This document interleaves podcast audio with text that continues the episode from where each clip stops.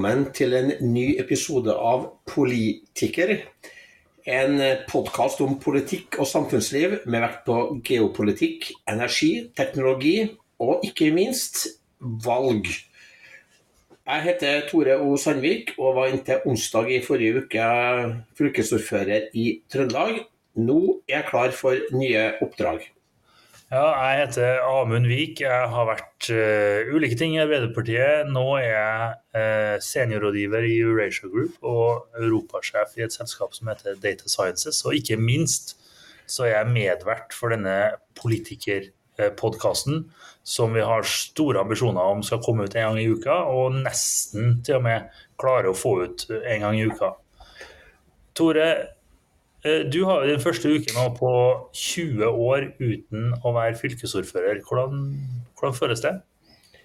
Nei, ja, Det er faktisk 20 år og to dager, da, eller 7307 dager som jeg fikk ChatGPT til å finne ut for meg, så jeg håper det er rett. Nei, det er jo litt rart. Det var litt sånn travelt rett etter jeg gikk av. Og så øh, hadde jo en slags eh, livepod under Trondheimsfestivalen i Trondheim eh, sist eh, helg. Og så har det liksom vært en mandag og tirsdag nå som egentlig har vært de to første fridagene. Da har jeg fått litt hjemmeoppgaver, og så har jeg hatt besøk av barnebarnet mitt. Eh, men nå er jeg da selvfølgelig på desperat jobbjakt da, og tar telefonen hele tida som om det skulle vært en potensiell arbeidsgiver som ringer. Men vi hadde jo livepost podkast med en eh, Tarjei Skirbekk som gjest eh, på fredag. Temaet var valgene det siste året i Europa, eh, de moderate folkepartienes fall og sosialdemokratiets helsetilstand og muligheter framover. Og Planen var jo at denne livepoden skulle omsettes via et opptak til en episode vi skulle legge ut. Men teknikken sto oss ikke bi, så det her forble rett og slett en ren livepod. Men det var artig, ikke sant, Amund? Jeg syns det var kjempeartig. Og det var, det var artig, en artig liksom, øvelse i et nytt format, syns jeg, å ha eh, livepod-formatet eh, foran et publikum. Så jeg har vært, eh, og det har vi nå begge, vi har vært i utallige paneldebatter og holdt innlegg og, og prata i forsamlinger.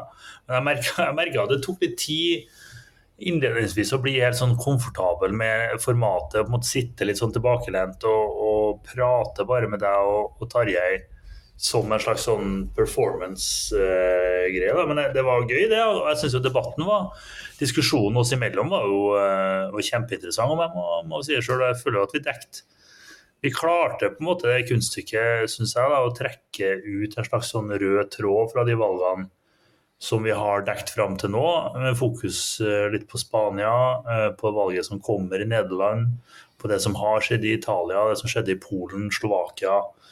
Eh, og peke litt framover. Og til og med, siden dette var Tranmælfestivalen, så klarte vi jo til og med å peke litt i retning av hva vi mener det kan være lurt for, for det kongelige norske Arbeiderpartiet å tenke på. Men så, som du sier, så, så ble det så som så med med opptaket. da. Eh, så da ble det jo en ren live-opptreden, eh, og ikke live to tape, som vi hadde sett for oss.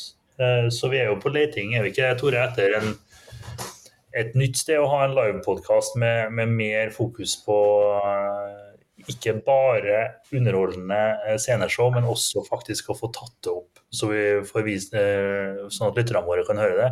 Så alle som ønsker eller kunne ønske å ha hatt en livepod med politikere må gjerne ta kontakt, tenker jeg. Eh, så vi får gjort dette en gang til. Det stiller vi gladelig opp på, eh, men da tror jeg vi må passe på teknikken, eh, sånn at den står oss bi.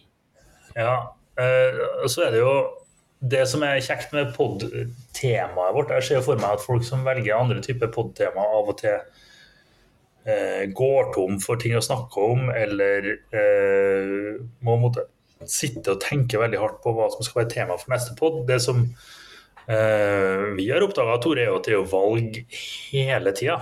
Eh, og eh, det som har skjedd eh, under for så vidt da, og etter vi hadde en livepod, er at det har vært valg i Sveits.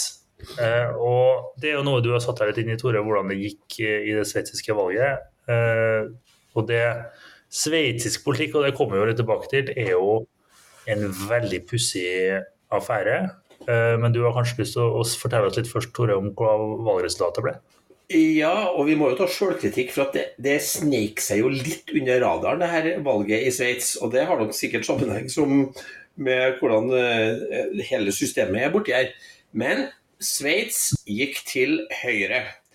De grønne var de store taperne. Det går jo igjen i flere valg. Under eh, dyrtida har vi erfart, og det snakka vi vel også med Tarjei om. Eh, realpolitikk møter idealpolitikk. De Grønne eh, og klimapolitikken eh, får et tøft møte med dyrtida. Og der De Grønne også har vært i posisjon, så sliter de da også med leveransene, ifølge velgerne, ser det ut som. Mm. Så nå har de gått tilbake i flere valg. Men det er ganske vanskelig å si noe om hvordan det gir seg utslag i regjeringsdannelse osv. For Sveits har jo et helt ellevilt system. Jeg syns det minner litt sånn om ekstra Joker Nord. Ja, altså, vi har jo gleda uh, våre lyttere, og uten at jeg har fått noen spesifikke meldinger på det, så kan vi bare anta at det har vært en høydare i, i denne poden jevnt og trutt når vi har gått gjennom beregningsmetoder for mandater i, i de ulike valgene vi har, har dekt. Det er noe jeg føler setter denne podkasten litt uh, i en egen klasse i hvor nøye vi går inn i ting. Men det med Sveits er jo Altså disse ulike regionene i Sveits, kantonene, bruker altså ulike valgsystem for å avgjøre uh, hvordan medlemmene av parlamentet skal fordeles fra deres region. Noen bruker uh, sånn majoritetssystemer, andre bruker proporsjonal representasjon. Uh, og på det regionale nivået så bruker altså politikerne å de, lage sånne delte lister, eller stille på lister til hverandre og sånn. Og det gjør at bare kompleksiteten i det systemet gjør at eh, altså den NRK, da, eller public broadcasteren i, i Sveits, faktisk ikke presenterer noe, noe, noe, noe, framskriving av hvor mange seter de ulike partiene får, f.eks. på valgkvelden.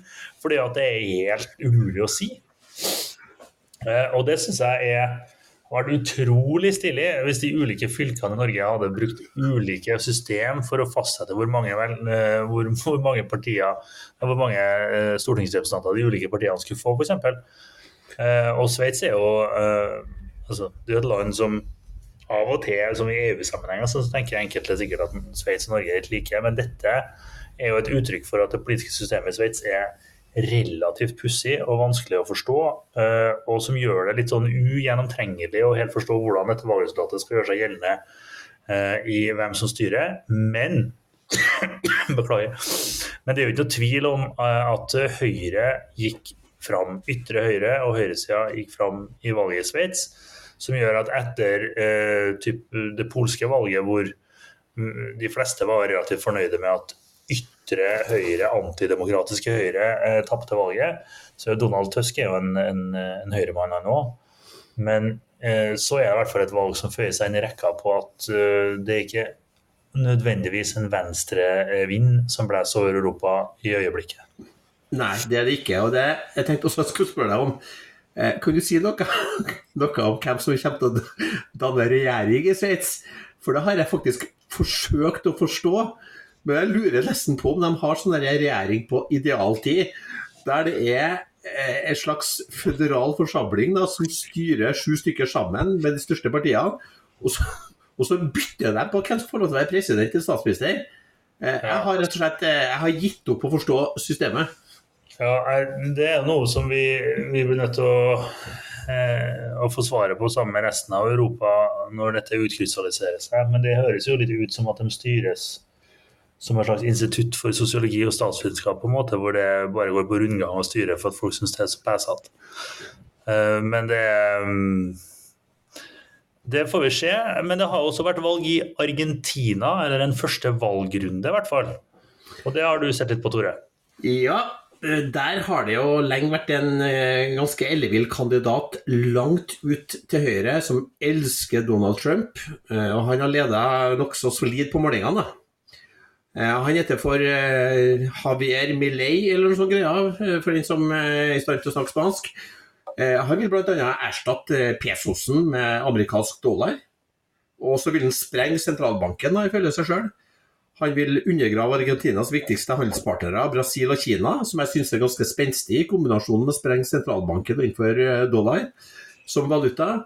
Og kutte kraftig offentlig sektor. Han har til og med dratt med, dratt med seg motorsag på, valgmøtene for å unngå da å ikke bli tatt på bokstavelig. Eh, og Det har jo vært tema må man kunne si da i Argentina at inflasjonen har vel ligget sånn jevnt på 120% Nå tror jeg faktisk den er oppe i 140 Så det så ut som han skulle spasere seg inn til seier og få brukt motorsaga flittig de neste årene. Eh, bare få med det også at eh, For å bli valgt så må man enten vinne 45% av stemmene, eller du må komme over 40% med 10% margin til neste kandidat. Altså f.eks. Du kan få 42% om neste kandidat er under 32 Da blir du også president. Men eh, ingen av dem fikk det, fikk det, resultatet nå i første runde, så derfor så blir det omkamp da, mellom dem som fikk eh, flest stemmer. Men resultatet blir litt overraskende, Amund. Ja, eh, det ble, det ble Tore. Og, og, eh, altså, vi har jo snakka i denne podkasten, og, og, folk har snakka om det lenge, sant, at dette, denne tida med dyrtid er typisk en vanskelig tid å være Eh, incumbent, altså å gå inn i valget som, eh, med å sitte i regjering.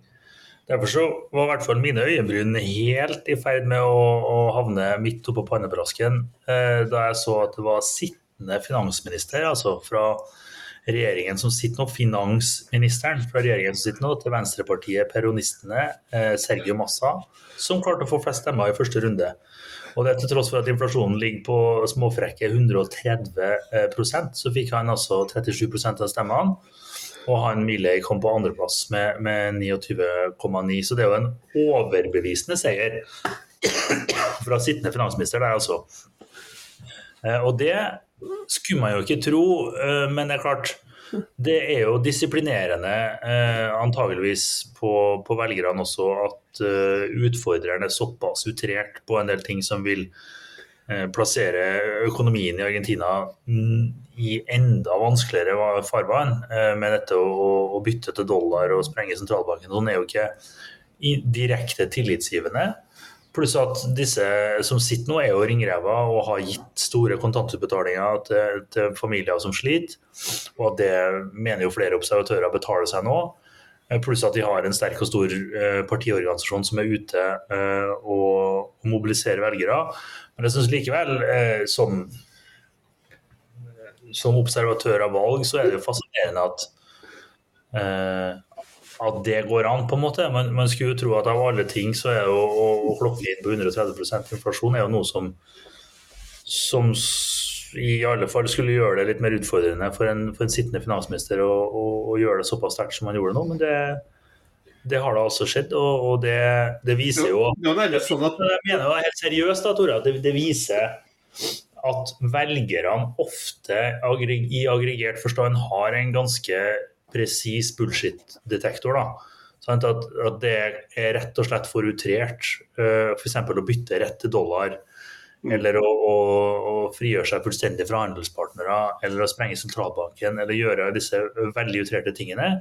Og at kanskje særlig et land som er helt på bristepunktet økonomisk, uh, tenker at uh, det kan fortsatt bli verre.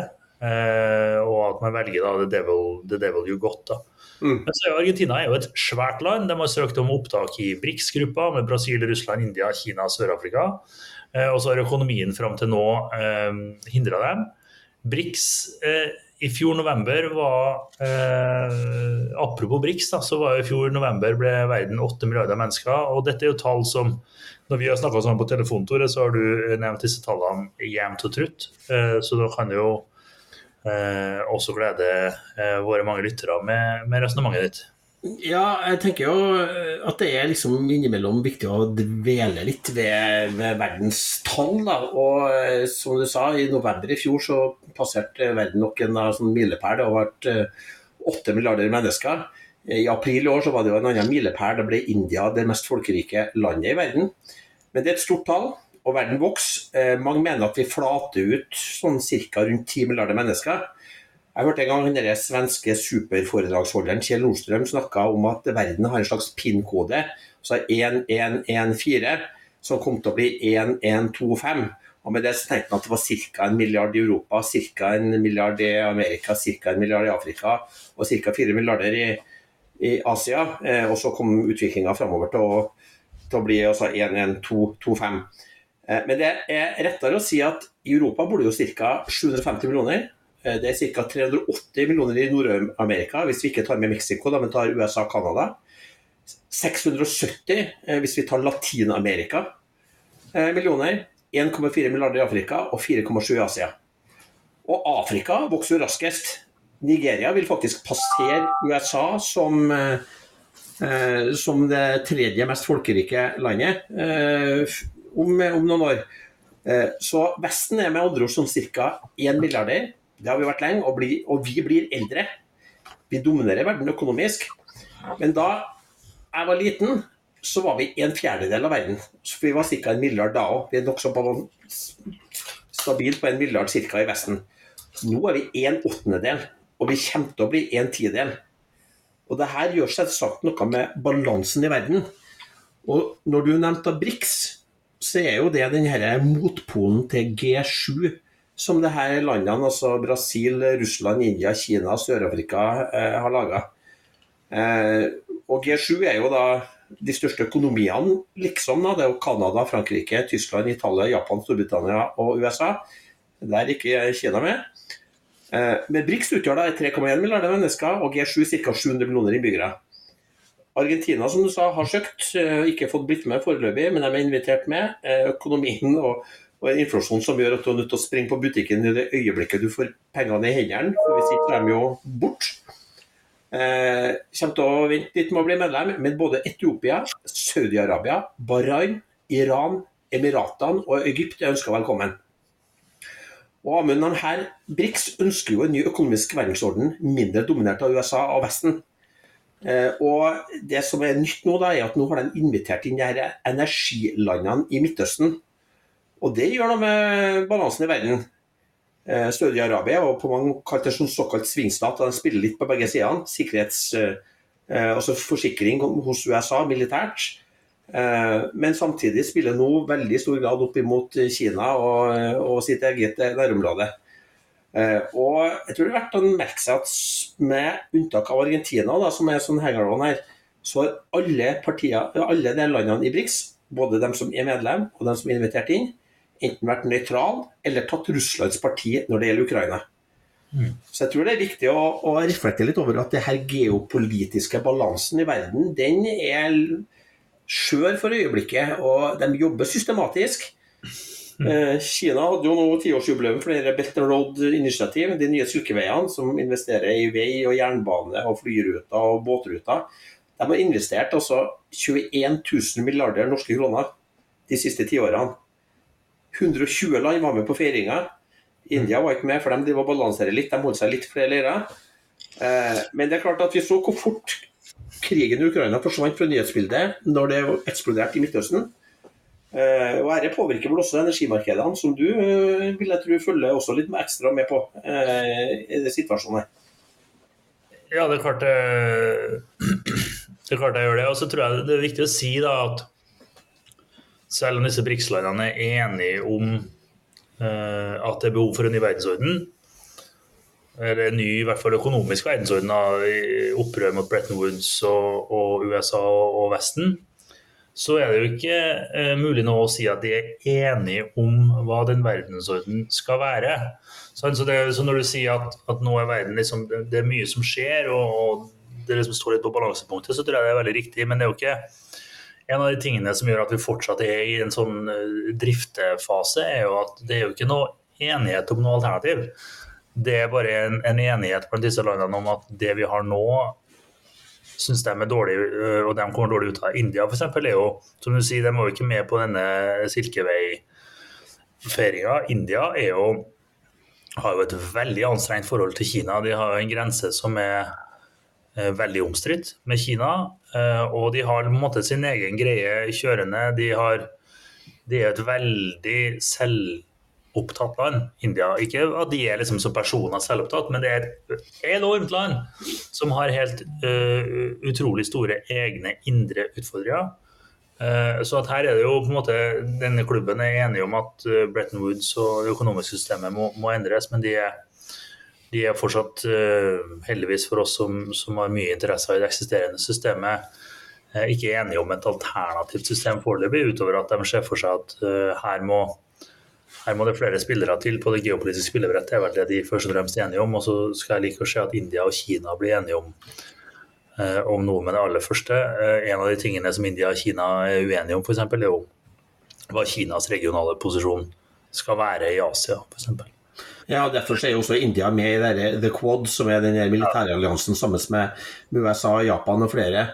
Eh, for å balansere ut. Og det er jo som du sier, at disse BRICS-landene de har sine ambisjoner, men først og fremst er de enige om hvem de er imot.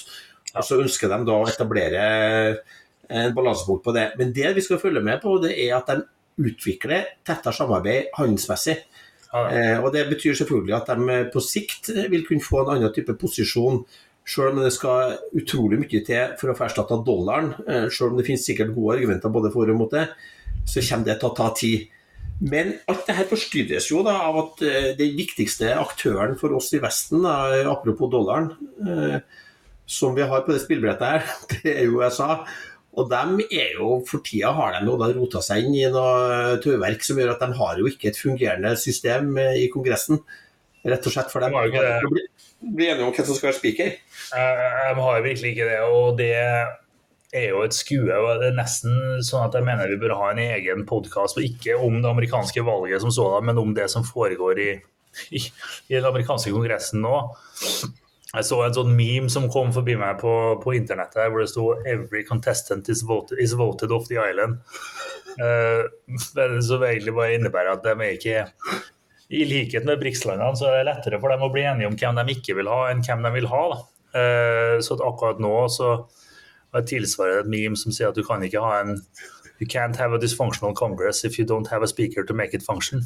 Um, så, så, det er jo eh, det er jo morsomt å gjøre narr av, men det er jo dypt tragisk å se at det amerikanske politiske systemet, særlig da republikanerne, synker eh, ned i gjørma så mye som de gjør akkurat nå. Så jeg tror vi må få noen inn på båten for å snakke om, eh, om det som skjer akkurat nå. For det har jo en del å si for hva som skal skje framover i amerikansk politikk, men så har det også dessverre veldig store konsekvenser for USAs evne til å levere på sine løfter til Ukraina særlig, da, som virkelig har havna i, i bakevja som følge av det som skjer i Kongressen nå, eh, og fordi Israel og Palestina har braka sammen.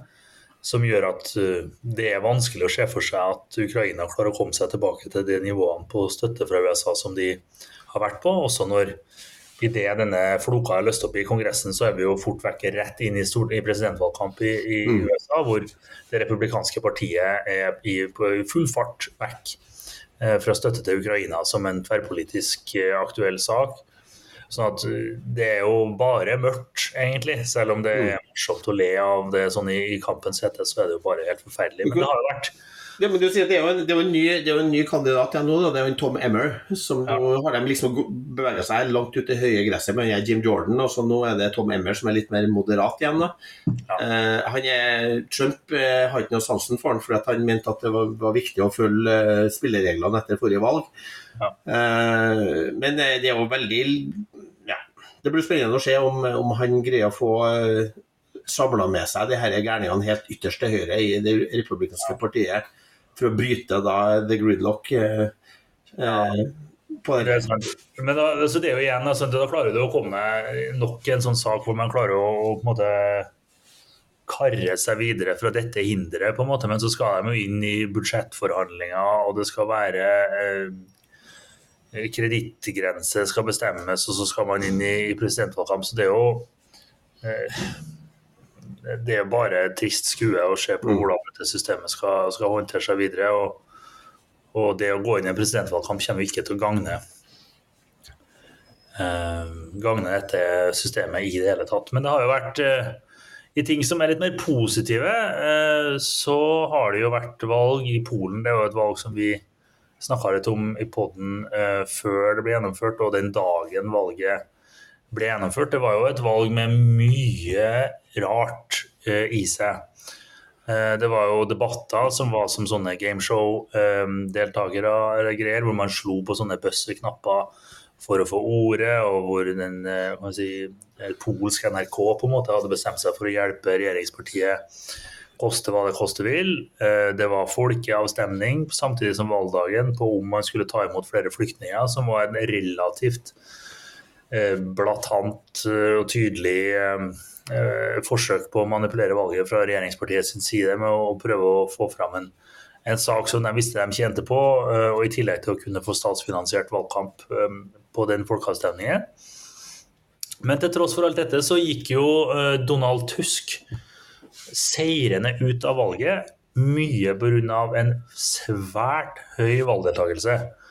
Eh, og vi har jo eh, Vi er jo Eh, jeg og du, Tore, er sosialdemokrater og progressive, så Donald Tusk er jo ikke en vi eh, under alle omstendigheter ville ha eh, trykka til vårt bryst. Han er en, høyre, en.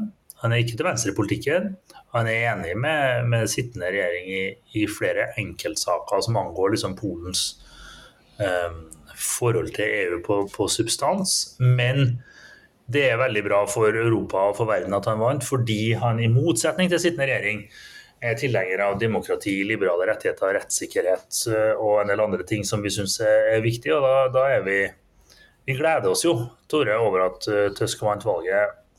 Men han, eh, presidenten i Polen, Duda, han er jo tett knytta til sittende regime. Så alle som ser, observerer dette valget, forventer jo at han prøver å stikke så mange kjepper i hjulene for regjeringsdannelsen som mulig.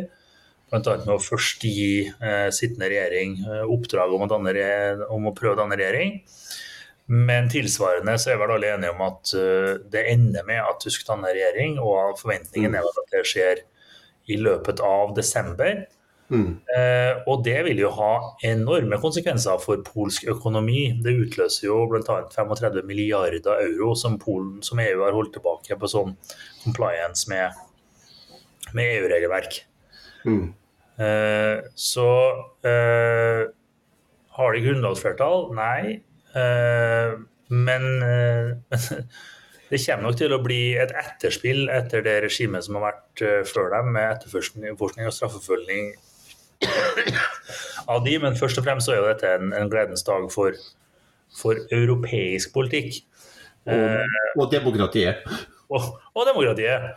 Um, som er bra, pluss at det er jo et litt vakuum også i europeisk politikk akkurat nå, ettersom Tyskland og det er på en måte Holdningen i, i Brussel er jo at Tyskland etter, etter Merkel så har Scholz-regjeringen tatt en veldig liten rolle i, i EU-politikken. Det er ikke så tydelig lenger nå som, som, tysk har vært, som tysk politikk har vært. Og Macron er veldig opptatt med sine ting. Eh, Storbritannia er ute. Spania holder på å forhandle med seg sjøl fortsatt og demonstrere i gatene og lure på hvem som skal være statsminister. Så det er jo et rom etter hvert der da, for, for, en mer eh, demokratisk orientert polsk regjering til også å spille en mer konstruktiv rolle i europeisk mellomstatlig politikk. Mm. Eh, som, som de åpner. Og Tusk er jo erfaring. Han har jo vært president i kommisjonen også. Han har jo det. Ja, og det, det, er viktig, og derfor er det gleden. Og det er så bra for Ukraina at man eh, får, også da får avløst den valgkampen, som også gikk over i en slags eh, konkurranse i å være tøffest mot Ukraina. Også ikke minst ukrainsk korn som strømmer inn. Da, og eh, dumpa prisene for polske bønder og skapt press og populistutspill. Og da også bråstopp med våpenleveranser da, fra den sittende regjering. Så jeg håper at det også normaliserer seg. for at Ukraina har nå en viss framgang på, på slagmarka eh, den siste uka, og det er viktig at de da fortsatt får påfyll av både forsyninger og, og våpen fra, fra Vesten. Eh, og kanskje spesielt når det er så mye rot bort til USA, så er det viktig å få på plass det. Vi skal komme tilbake med flere eh, politikerepisoder og flere valg. Vi skal snakke om valget i Taiwan, må vi også. Eh, det kommer i januar. Det er også viktig de er også litt bekymra for at USA er mer opptatt med seg sjøl, i og med at de, USA også er sikkerhetsgarantien til Taiwan. Eh, det er også ting som pågår. Eh, han Foxconn-gründeren, altså dem som da bygger Apple-telefonene borti Kina, han er Taiwans nest rikeste mann, eh, og han stiller til valg. Og han er ganske Kina-positiv, men han stiller mot kommunistpartiet i Kina sin vilje. Så nå har de selvfølgelig da eh, åpna etterforskning av Foxconn for å se på om de har gjort ulovlige ting på landområdene de er, om det er noe korrupsjonslignende ting. da. Ja. Han mener sjøl at han er trygg, men eh, det er ting som tyder på at kineserne kommer til å se han i, i kortene. Der leder da visestatsministeren, eller visepresidenten eh, i, i Taiwan, leder ganske solid på målingene foreløpig. Og han er ganske Kina-kritisk og opptatt av selvstendighet. Eh, så vi skal følge med på det valget, og vi har valget i Nederland. eh, Og vi skal selvfølgelig også da følge med på hvordan det går både i Argentina og ikke minst etter hvert da eh, i USA, hvis de nå kommer seg til nyåret og fortsatt får finansiert eh, drifta av, av samfunnet med, med, med gjeldstak og alt mulig. Det skal vi, og så kan vi trøste oss med eh, fram til neste episode Tore, at hvis det går an å vinne et eh, første runde i et presidentvalg som finansminister i en regjering når inflasjonen er 130% så er det håp for noen og enhver. Det er det. Lik oss eh, på, eh, i Politiker der du hører på podkaster. Del gjerne videre til eh, venner, kjente eller folk du mener har godt av å høre på podkasten. Så skal vi komme tilbake med nye episoder. Så da sier vi takk for i dag og ha det bra. Amund i London, eh, så ses vi live i Oslo neste uke. Forhåpentligvis det er en podkastepisode i, i studio.